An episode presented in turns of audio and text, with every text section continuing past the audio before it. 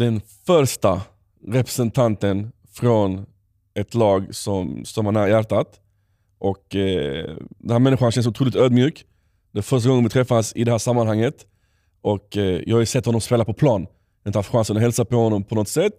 Men man kan känna av när någon har bra energi eller inte. Och den energin har han fortfarande med sig in i det här rummet. Ett stort tack för att du vill ställa upp Rasmus Bengtsson. Tack själv, tack. Tack för att du ville komma hit. MFF såklart, Malmö. Är du malmöit? Jag, är, eh, jag, har inte, jag har ju bott i Malmö under ungdomsåren, men Mm. jag är uppvuxen i Höllviken. Jaha okej. Så du är Malmö med omnejd, Lite så. om man säger så. Precis. Du sa Höllviken, lite mer posh. Men eh, du känns som en mer av en malmöit. Lite så kanske. Ja, härligt, härligt. Ehm, tre SM-guld har jag skrivit här. Det är, vi snackar meriter för er som vill lära känna Rasmus. Liksom så. Tre SM-guld, Champions- Champions League-spel. Eh, då snackar vi om de så här större meriterna. Men på heltidsproffs så går vi tillbaks hela vägen. Och rätta mig om jag har fel, men proffsmässigt inledde du din karriär i Trellehulla, Trelleborg. I, som proffs i, ja precis ja. Mm. Trelleborg. Så innan dess, vad var det då? MFF, Ah, MFF Trelleborg? precis. Okej, berätta. Så jag, nej, jag började i fotbollsskolan, MFF, när jag var 4-5. Och Sen spelade jag i MFF fram till jag var 18-19. Och då flyttade jag till eh, Trelleborg. Vad fick att flytta? Eh, jag fick inte chansen i A-laget. Eh, andra spelare var bättre än mig, så jag behövde en, eh, en nytändning. Så eh, då flyttade jag till Trelleborg. Har du alltid varit en försvarare? Eh, spelade lite anfallare under ungdomsåren också. Men i grund och botten så back. Hur, hur insåg du att back var det du skulle göra? Eh, nej, men jag märkte väl att som anfallare, det var roligare att spela anfallare. Men eh, kvaliteten eh, höll väl inte på den nivån jag ville till. Så eh, jag kände att skulle jag bli någonting så, så var jag tvungen att bli back. Hur tar man det som en ung... Jag menar när man var 17-18, hade stort ego, man var störst, bäst och vackrast och helt plötsligt så hör man ja men du platsar inte här. Hur tog du emot det? Nej, men det är klart, det är, eh, alltså, under de ungdomsåren också, det händer mycket i livet. Det är skola, det är eh, fester, det är allt, allt runt omkring också. Så det är klart att eh, det var annat som var roligt också. Och jag var väl på väg bort från fotbollen nästan när jag var 17-18. Mm. Och, och sen var det att jag hade brorsan och många bra kompisar i, i Trelleborg som spelade i Superettan. Och när jag kände då att eh, A-laget MFF inte var speciellt nära så kände jag att ja, men då vill jag försöka spela med polarna istället. Och eh, då fick jag chansen i, i Trelleborg. Vart var du på väg till om du var på väg ifrån fotboll? Eh, nej, men jag var ju, alltså, ner i divisionerna. Aha, du menar eh, så. Ja, var på väg ner till Mm. Lunds BK Mm. faktiskt, där min gamla tränare från ungdomsåren var. Så eh, små, eh, små grejer som gjorde att jag hade tur att stanna kvar. Eh, I den här podcasten så då och då ibland så tar jag fram eh, lite smålappar. Inga märkvärdiga ämnen som jag alltid säger, men det är en del av saker och ting som gör att man lär känna det bättre och de här stegen som man tar då från amatör till, till heltidsproffs. Nu har jag inget bord emellan oss, så jag kan inte lägga ner de här små papperna. Så jag bara gör typ så här med mina händer och så, så bara drar du, drar du någonting. Där, Nu är vi mitten. i mitten ja. Amatör till proffs. Jag som ville ta oss bort från det snacket till senare, men vi kör det nu istället. Trelleborg, proffssteget. Sen därefter så var det lite snack om Lazio. Ja men det stämmer. Jag, hade, jag var i Trelleborg i två och ett halvt, nästan tre år. Mm. Och sen eh, så hade jag väldigt många alternativ till att flytta utomlands. Och eh, Lazio var, var ett av dem. Varför tror du Lazio blev så uppmärksammat att man nämner det i sammanhang? Nej men det var väl lite eh, skriverier. Det blev väl lite kaosaktat det som, det som hände kanske. Men eh, nej, jag var och besökte lite klubbar. Lazio var en av dem. Men eh, jag beslöt mig för en annan klubb.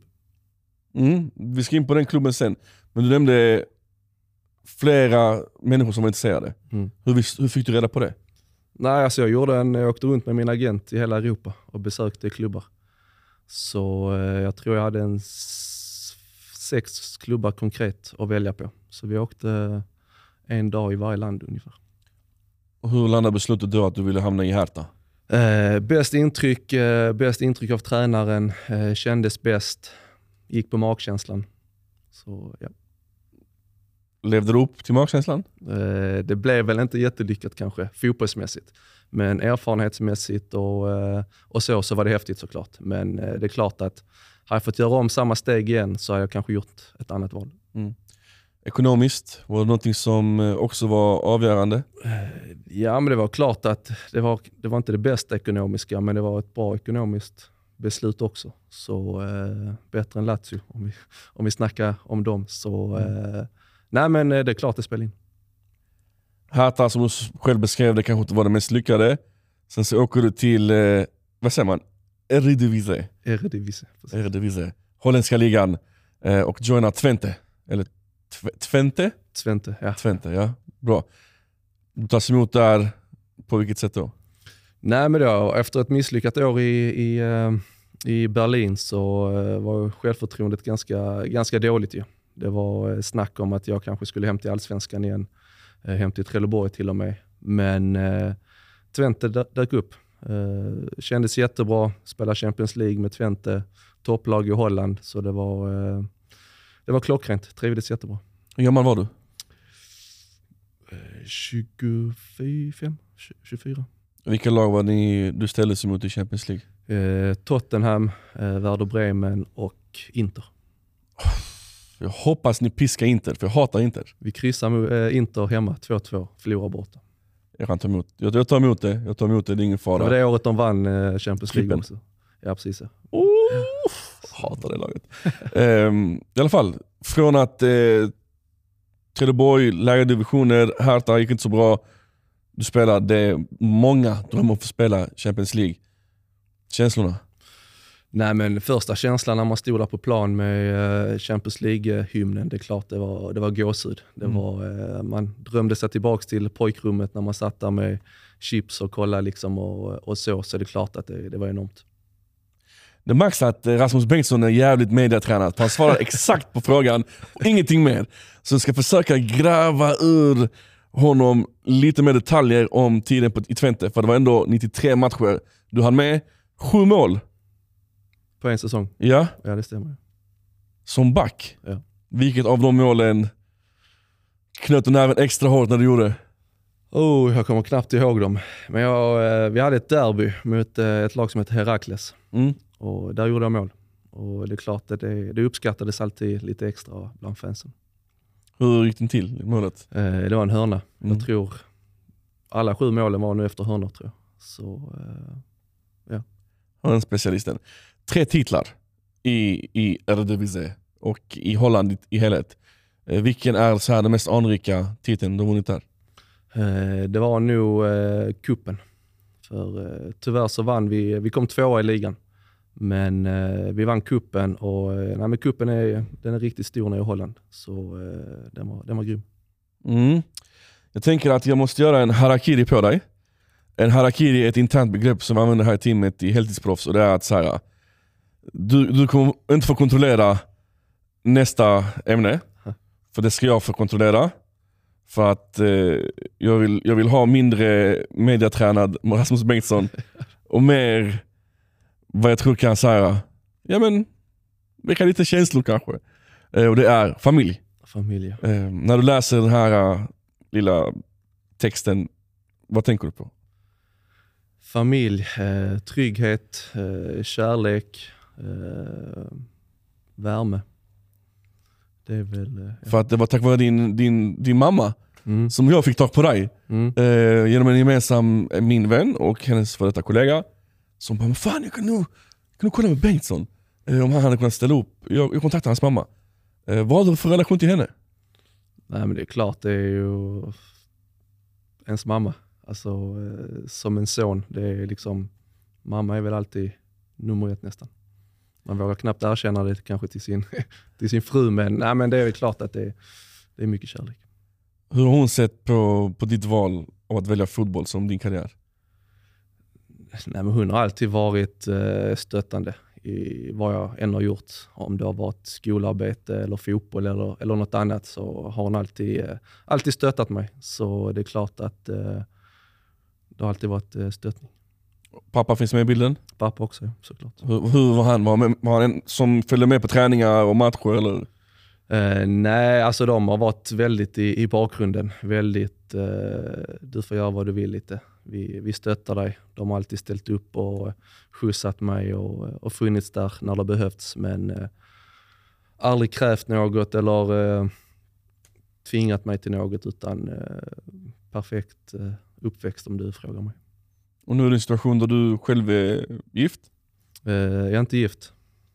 Sambo. Jani, för mig är du gift. Vi, tar barnen, vi tog barnen först. Så. Ni tog barnen först, hur många barn har du? Tre. Tre barn, mashallah. eh, många som skrattar, men vadå? Jag måste säga mashallah. Eh, hur träffades du och din sambo? Vi träffades eh, genom en gemensam kompis eh, nere i Malmö. Hon är från Göteborg. Och, eh, det var en hemmafest vi träffades och eh, på det eh, spåret är det.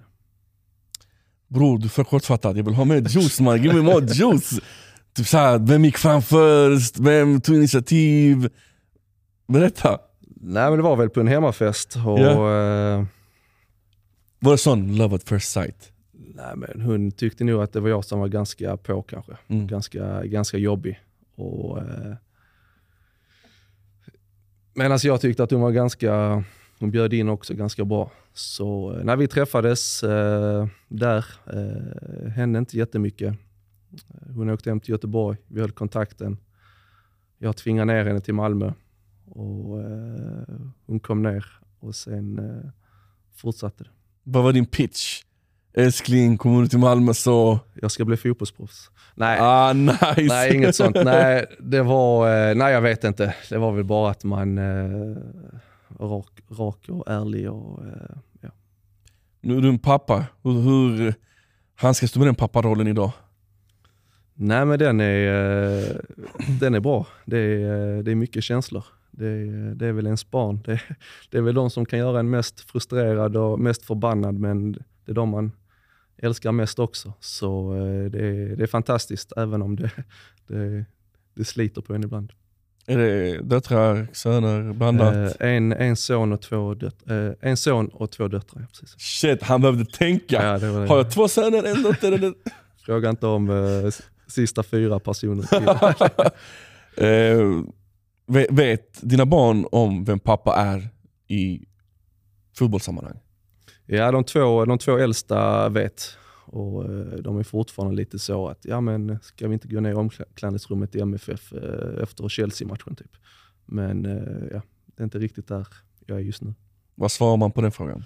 Att eh, pappa har varit där men inte är där längre. Och, eh, ja, det de förstår ju men eh, de var ju med på den tiden också när de fick hänga i, i omklädningsrummet och springa på plan och, och så också. Så det är klart att det, det är nytt för dem också. Hur förklarar du för dem att typ så här, omklädningsrummet, vi inte, du är säkert välkommen där men vi är inte välkomna där. Förstår du vad jag menar? Ja. Nej men det var, eh, eh, grabben förstår väl det, han är Mm. tio. Mm. Eh, den ena dottern som är sju, hon, eh, hon förstod inte riktigt kanske. Hon ville ner och leka och, och lite så nu senast. Men eh, de, eh, man försöker bara förklara att det är de som spelar som Mm. är där nere. Och, eh, Innan vi går in på, på det som har hänt som kanske har lett till att du inte har kunnat gå ner till omklädningsrummet, eller vara en del av omklädningsrummet, så har det faktiskt varit kantat av, i alla fall merit, meriterna sett, en jävligt bra session med Malmö eh, efter holländska fotbollen och allt det där. Tre SM-guld, vilket av dem värderar du högst? Nej, men det är klart att eh, första SM-guldet, det är klart att det är, alltid, det är alltid starkast. Det är första gången, det är, det är stort såklart. Mm. Men eh, om man ska ranka de tre så, nej, men klart det första betyder alltid, alltid lite extra såklart. 2014 eller? 14, 15 där. Ja. ja.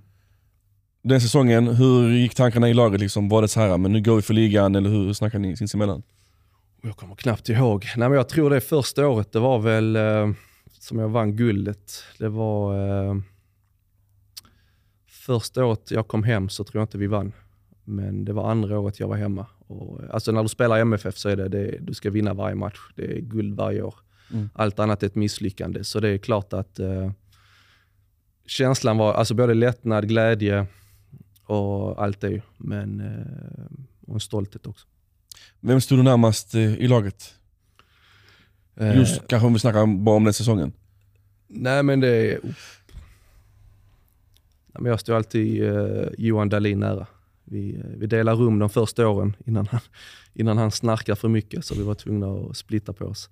Men, eh, nej, men klart Johan är en, en nära vän och, och så även om det har många, många bra kompisar. Hade du kunnat, är du så pass bra vän med Johan att säga till honom typ så här, bror, du spelar gitarr uruselt och du sjunger också lite dåligt. Är ni så nära? Ja men det är vi. Det är, ja. Nice. eh, vad kände du du bidrog med eh, när ni tog guldet? Liksom? Vad, Nej, men jag har alltid varit en spelare tror jag som försöker sprida ett lugn runt sig. Är, stress generellt är det värsta jag vet. Så eh, sprida lugn på planen och även, eh, även kvalitet så mycket jag kan. Och eh, göra det bästa för, för omgivningen. Så eh, ja, bidra med det. vilka situationer blev du stressad? Eh, när jag sitter i poddar. eh, nej, när jag blir Nej, men, men, alltså MFF-sammanhang, när du spelar matcher, när kunde du tappa ditt cool? Jag vet inte. Det är väl när folk runt omkring en, man känner att de börjar stressa upp sig. Då har jag en tendens att alltså, fan, alltså, ta det lugnt. Det är, försöka ta det lugnt. Jag, tror inte jag, jag stressar nog inte upp mig själv. I, eh, det händer nog inte, händer nog inte jätteofta. Utan, eh, antingen så går det eller så går det inte. Hur tacklar du, du sa ju att Malmö, man ska gå för att vinna varje match. Hur tacklar man en förlust då, när man har den mentaliteten som du har? Nej, det är klart det var, det var tufft, men det var, samtidigt så var det, vi hade så mycket matcher så det var, alltså man ville ha match direkt på det igen. Så fort man har gjort en dålig prestation så, eh, så vill man ut och spela igen. Så det är klart att ja, de gånger vi förlorade så var det liksom hem, sura, sen nästa dag så var det full fokus igen. Eh, vilken tränare tog fram det bästa ur dig på allra bästa sätt? I MFF? Vi kan ta allmänt. Nej, men jag hade en tränare i Holland, en som heter Alfred Schröder, Mm. som, som var duktig. Men sen får jag nästan säga Ove Rössler. Han, var, han kunde motivera mig, han eh, gav mig de verktygen som behövdes för att jag kände, alltså kände att jag kan prestera. Så Ove var, eh, jag gillar Ove. Kan vi gå lite mer in på detaljer, liksom hur han fick dig att bli motiverad? Nej, men Ove var liksom, alltså så länge du presterar så, eh, jag ska inte säga du får göra som du vill, men alltså, lite åt det hållet nästan. Mm. Alltså, är du trygg med att göra någonting, gör det så länge du presterar på matcherna. Frihet under ansvar typ. Frihet under ansvar, ja. Gäller både på plan och utanför, utanför plan. Och ett sånt ledarskap, eh, det passar mig väldigt bra. Samtidigt som han eh, i snacket och allting kunde, kunde motivera mig på, på ett bra sätt.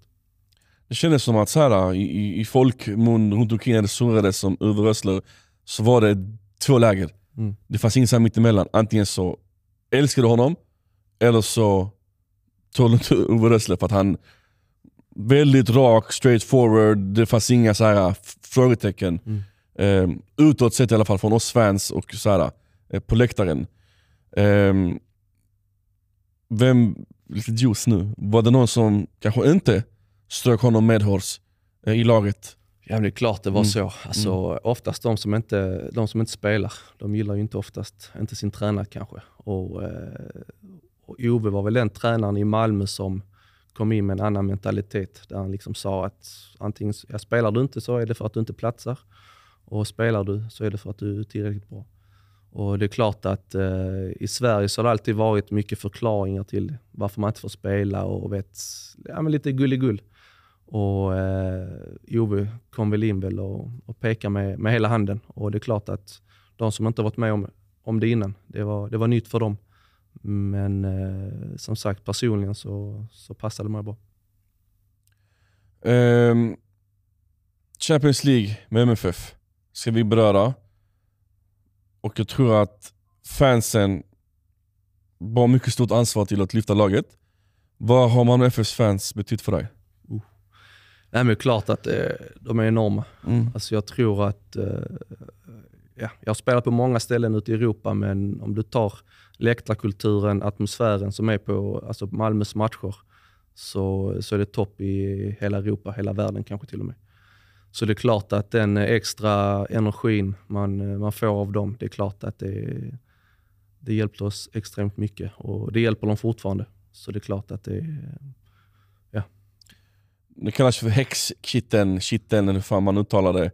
För mig, då arenan alltså, vibrerade så hårt att jag tuppade av, alltså jag svimmade. Mm. Det var mot Olympiakos. Eh, vilken match var så eklektisk för dig?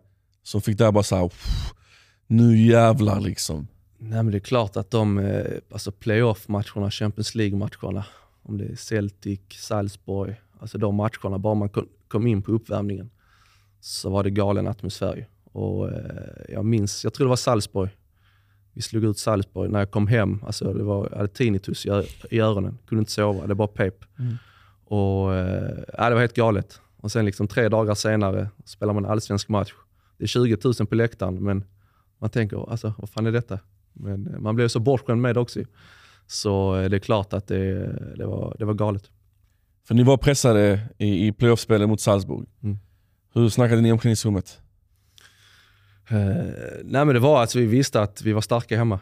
Det, så länge vi hade ett bra resultat från uh, bortaplan så visste vi att vi, uh, vi kan slå alla, alla lag hemma i playoff. Så det var samma känsla att med publiken i ryggen så, så, så kan vi fixa det.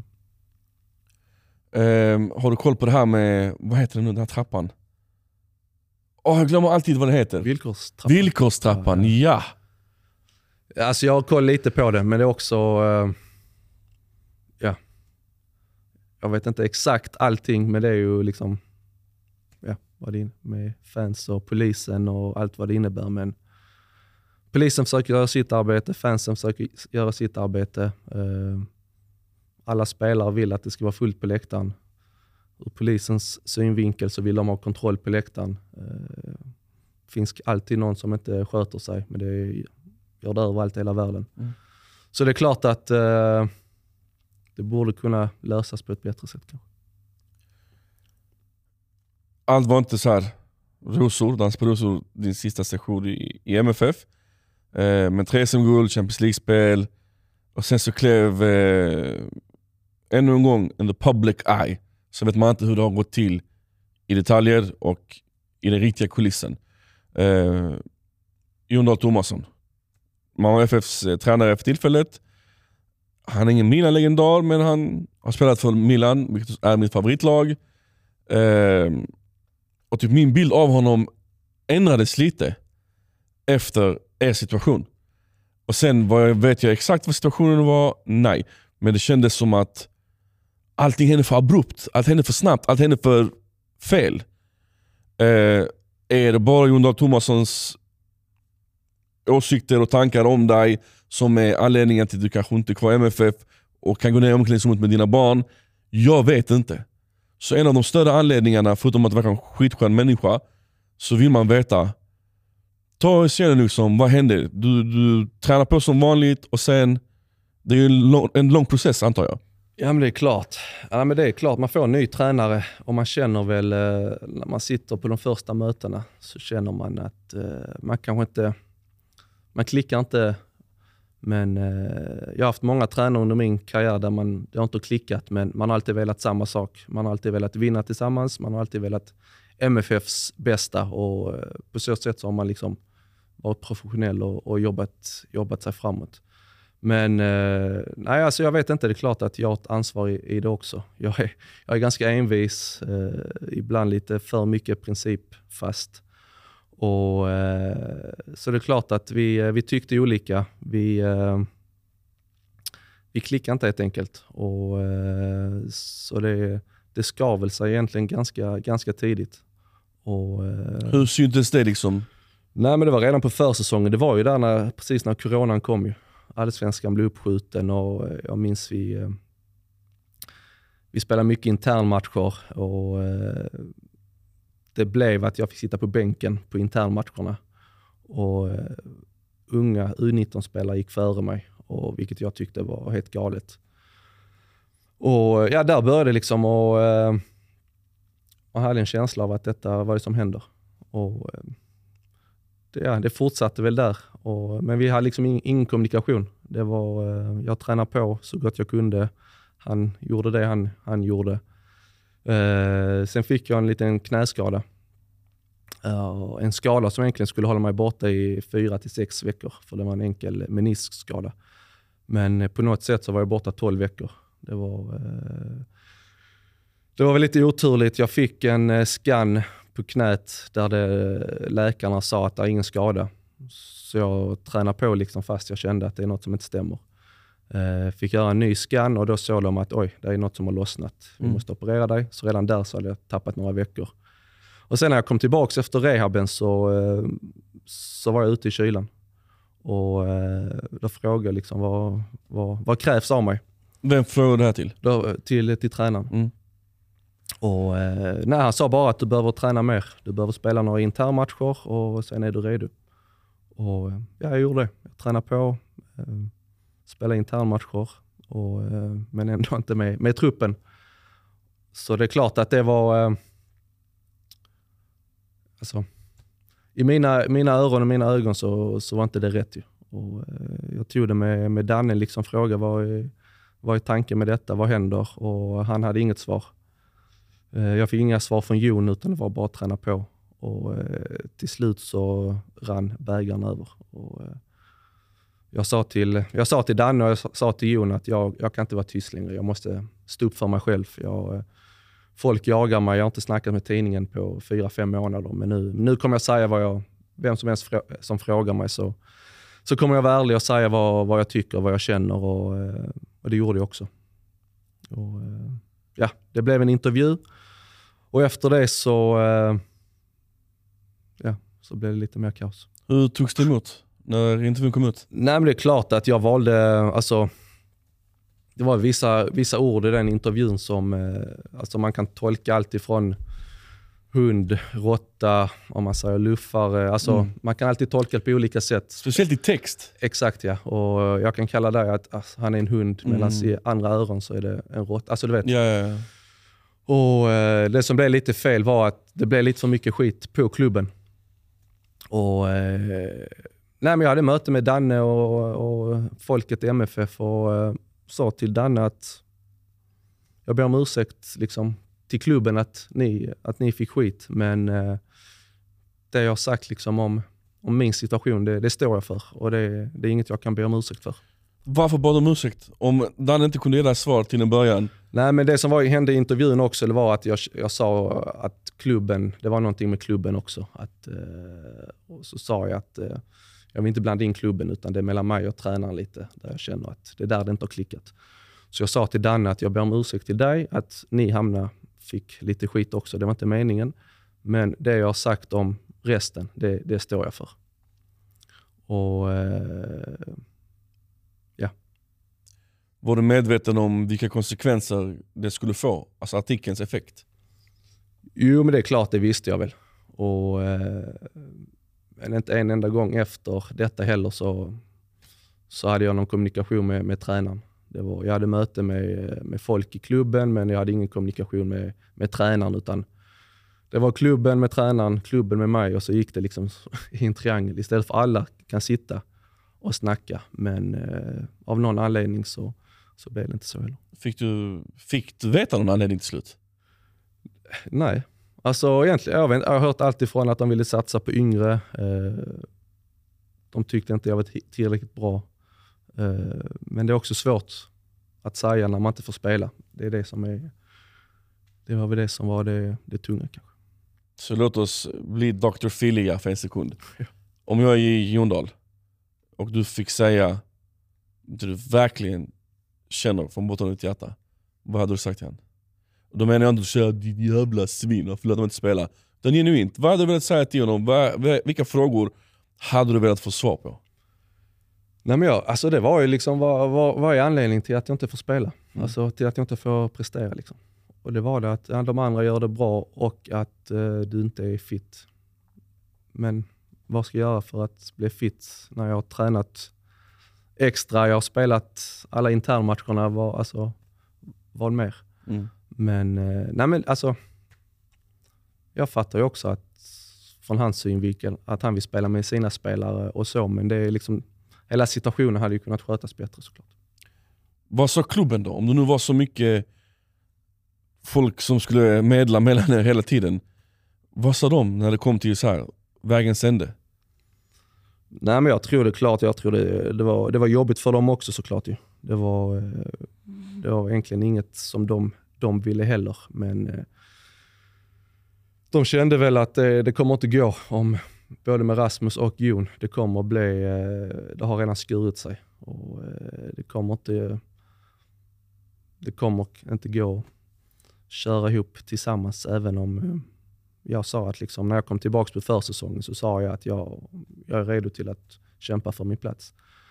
Men eh, det var väl för mycket skada skedd redan och eh, det bästa beslutet var att, att gå skilda vägar. Var det ett gemensamt val? Var det ditt val? Nej, det var ett gemensamt eh, val. Jag kände att eh, alltså, då, det är inte lönt. Då, eh, så då erbjöd alltså, från mig att säga att då, då får vi avbryta det på något sätt. Och, eh, för som sagt, de sista sex månaderna i MFF, det var, eh, det var en katastrof. Hur kunde man motivera sig själv och ändå ta sig till träningen? Trots den känslan av att saker och ting var katastrof. Vad fick dig att fortsätta gå? Ja, det, alltså det var klart, när man satt i bilen på väg till träningen, det var, det var klart det var, det var tungt för man visste att man inte var delaktig, man visste att man inte skulle spela.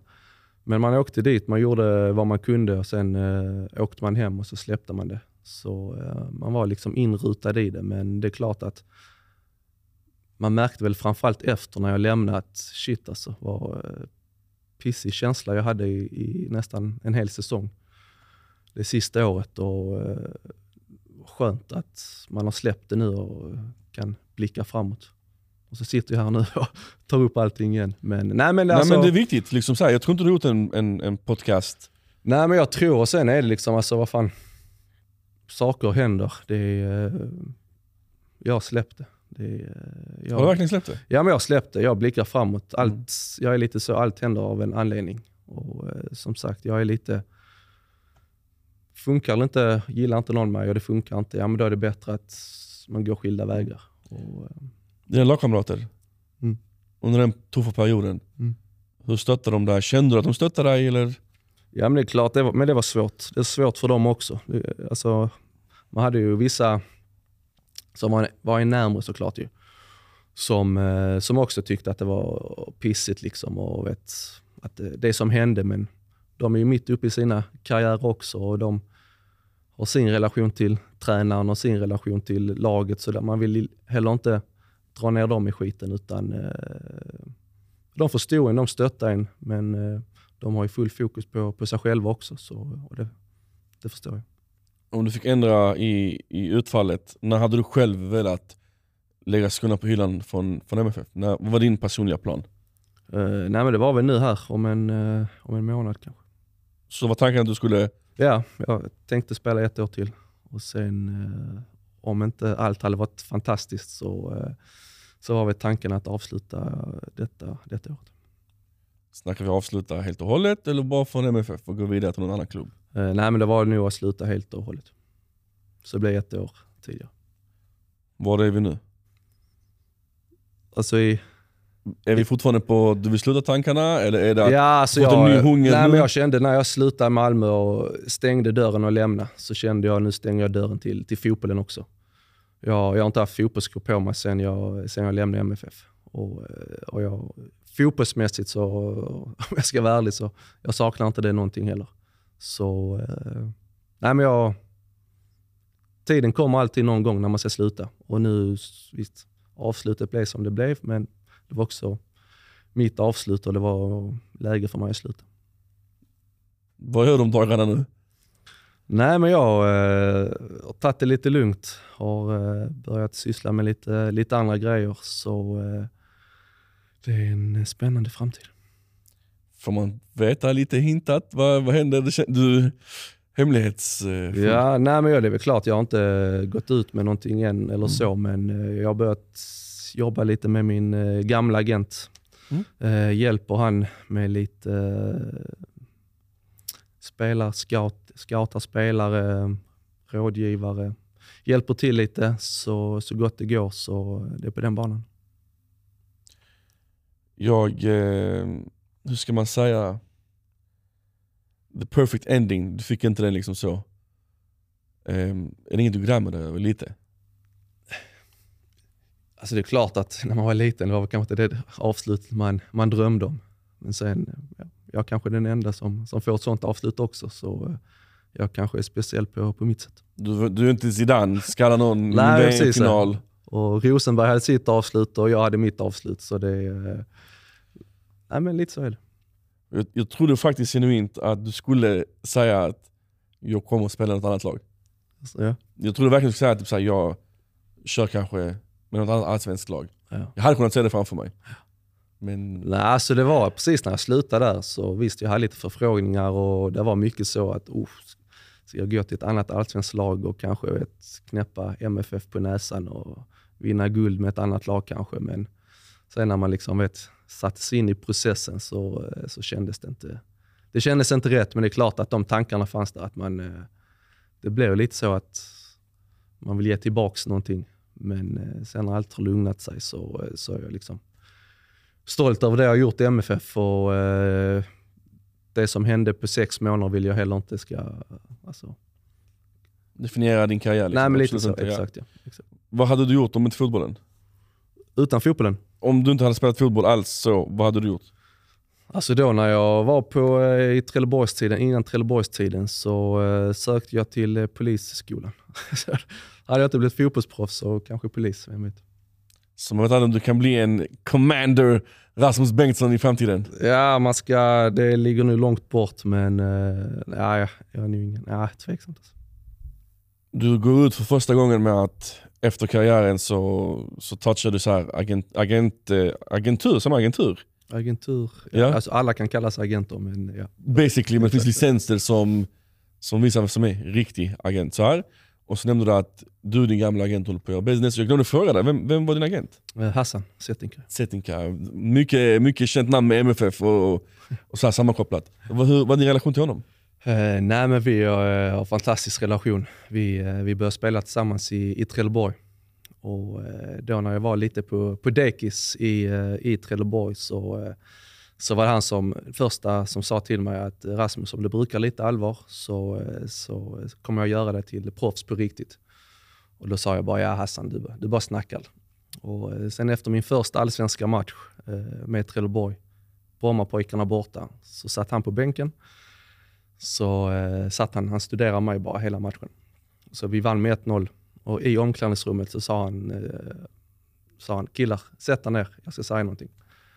Så ställde han sig upp och sa att lyssna killar, den här killen här, Rasmus Bengtsson, eh, jag kommer göra honom till miljonär och till fotbollsproffs. Och alla bara skrattade. Alla bara sa, du är ett skämt. Vet så. Och sen den dagen så eh, har han tagit hand om mig. Vi har byggt vår relation och eh, följt varandra genom, eh, vad är det nu, nästan 15 år kanske, 14 år. Så eh, nu efter min karriär så är jag med och eh, hjälper till lite med, med allt möjligt. Var det ett självklart val att du skulle jobba med honom eller var det ni förde en diskussion sinsemellan? Nej, men det, det var väl ganska självklart. Som sagt, vi har, vi har vår relation och eh, vi snackade lite om familj innan. Det, det är klart att vissa personer är man, är man närmre. Och, eh, och jag hoppas med min erfarenhet och min kunskap så, eh, så passar det bra in också. Hur balanserar du vänskap och business eh, med honom? Eh, Jag har egentligen lärt mig att man aldrig ska göra business med sina bästa vänner. Precis. Men här ser jag mig lite som, som familj. Och det är inte, alltså, business det är fotboll. Vi älskar fotboll båda två. Och, ja, jag ska inte prata för honom, men han är på sin nivå. Och, så det är klart att vi ser på fotboll lite på samma sätt. Vi älskar det båda två och eh, ja, vi, vill det, vi vill samma sak. För han är ändå framgångsrik inom så här, agentvärlden. Eh, I svenska ögon sett och även så här, internationellt. Mm. Eh, vilka verktyg har han gett dig och lärt dig? Liksom så här, vad är det man ska kolla efter när man kollar efter en spelare? Nej men det är framf- alltså, framförallt liksom det psykiska på vissa spelare. Alltså du har jättemånga duktiga spelare men som verkligen behöver rådgivning i liksom hur du ska ta för dig, hur du ska bete dig och, eh, och hela den biten. Och, eh, så det är klart att hur man utvecklar en person, inte bara en fotbollsspelare, där, är- där är han extremt duktig. Och dina kunskaper? Vilket, vad, vad är ditt S i rockärmen? Nej, mitt S är väl att jag, jag själv har varit på, på de flesta nivåerna, på hög nivå. Eh, jag har varit nere på botten också, haft det tufft. Jag har alltid sett mig själv som en spelare som är ganska smart. Jag har alltid levt på min fotbollsintelligens. Eh, och jag tycker alltid jag ser fotboll på, på ett bra sätt, så jag tror att eh, jag kan hjälpa många spelare. Helt ärligt nu. Helt, helt ärligt. De här bisarra summorna som fotbollsspelare får idag. Hur, hur legitimerar man det? Alltså du det som är- agent vill maximera ekonomiska vinsten såklart, Ja. och att ni spelare hamnar i rätt klubb. Men moraliskt sett, det är sjuka pengar vi snackar om. Det är klart det är, det är sjuka summor, men det är också det är efterfrågan. Folk betalar för det. Eh, Sponsorer, eh, det är de som pumpar in pengar. Så det är klart att, eh, med fotboll, att bli fotbollsspelare är också ett av de tuffaste yrkena att, att kunna bli. Det är det alla barn drömmer om och konkurrensen är den tuffaste. Så det är klart att det är, då, då kostar det också. Tror du inte att det kan landa i att folk spelar inte fotboll för kärleken till fotboll, utan folk spelar fotboll för att de vet om att jag kan säkra mig och min familj fem generationer framåt. Jag tror till en början, alltså kärleken till fotbollen, det är alltid där du börjar. Och, men sen klart, när du blir, kommer upp i tonåren, närmar dig A-lagsfotboll, spelar lite A-lagsfotboll, så det är klart att det är, det är jättemånga spelare som, som vill gå karriärsmässigt kanske och bygga upp sig, men sen finns det spelare också som, som du säger, kanske bara ute efter pengar. Och, eh, och eh, det är klart att alla, alla, kommer, alltså alla har olika bakgrunder också. Det är, eh, vissa har en press på sig att prestera och försörja familjer och hela den biten. Så det är klart att det är, alla har olika förhållanden. Um, så agent efter fotbollskarriären, men jag har faktiskt glömt ställa dig en annan fråga. För att lära känna dig bättre. Vilka hobbys har du? Vad tycker du om att göra? Eh, Nej, men den tiden som blir över, det blir väl eh, paddel, golf. Eh, men framförallt nu när det blir vinterhalvåret så är det, är det paddel. Vilken, eh, vilket handikapp har du? Vilken nivå? Ja? Eller handikapp i golf menar jag. I handikapp i golf Mm. ligger jag på eh, 8,9. Oj! Det är Så inte det pjåkigt. Nej, nej så det är, det är okej faktiskt. Kan vi kanske se en Rasmus Bengtsson i golfvärlden? Nej, det tror jag inte. Väl, eh, nej, men golf, alltså det är kunna gå ut på golfbanan eh, med folk, snacka lite, eh, luncha tillsammans, snacka lite. Alltså det är klart att det är, det är härligt på sommaren. Och nu på vintern så, som, som jag sa lite, det, det, det är mer padel. Spelar du divisionsspelet? Tror du, Ingen divisionsspel, kanske i framtiden. Ja. Vad tror du att du är rankad? Om du hade så här, alltså division Nej, men 1, nu 2, är- 3, 4? Oh, alltså det vet jag inte, men nu är jag- när jag spelar i lördags, vi spelar varje lördag nu, så sa de att ja, men vi är nog C plus-spelare. Mm. Sen exakt vilken nivå Vad fan det är. innebär, gud vet. Exakt, ja, lite Ja. så ja. Men eh, alltså jag vet eh, så många, framförallt folk från, killar från, från Malmö som man eh, ska möta. Alla är ju bäst ju. Alltså det är ju eh, men eh, nej, jag tror jag håller mig ganska bra inom padden också faktiskt. Om du nu så här, fick bara skanna av mig, titta på mig och säga så här, ja men du är i, i paddel. Var lägger du mig? Nej, men jag ser nu där C, någonstans C minus, möjlighet till C plus kanske. Det känns som bollkänslan och det, det, det, Jag spelade tennis som yngre. Ja. Eh, så vi har faktiskt, eh, han du träffade när du kom in, det är min paddelpartner. Ja, okej, ja. Och eh, vi spelar här i Malmö på PDL Center. Jag vet inte göra reklam för det, men ni får den ändå. eh, och vi är division 4. Ja, okej. Kan man tro det? Jo, varför inte? Det, det är många spelare man har mött där man kanske tänker innan, nej det funkar inte, men eh, som är fantastiska. Så innan jag avrundar podden, om jag, om jag utmanar dig på en match med min partner och Ja. du med din partner, hade vi kunnat få det att hända? Absolut, absolut. När som. Det, Rasmus, den här intervjun, eh, jag gillar den. För att det gav mig många svar. Och jag tror att det kommer ge de som lyssnar många svar. Jag försökte inte hålla det till en, en grej med, med, om Jondal och dig. Mm. Men du vet så, folk vill veta. Vad fan var det som hände liksom? Och jag tror du har gett eh, svar på den frågan. Men innan jag lämnar. Om ni ses ute på stan, hälsar ni? ja, men det är klart. Alltså jag har träffat han efter.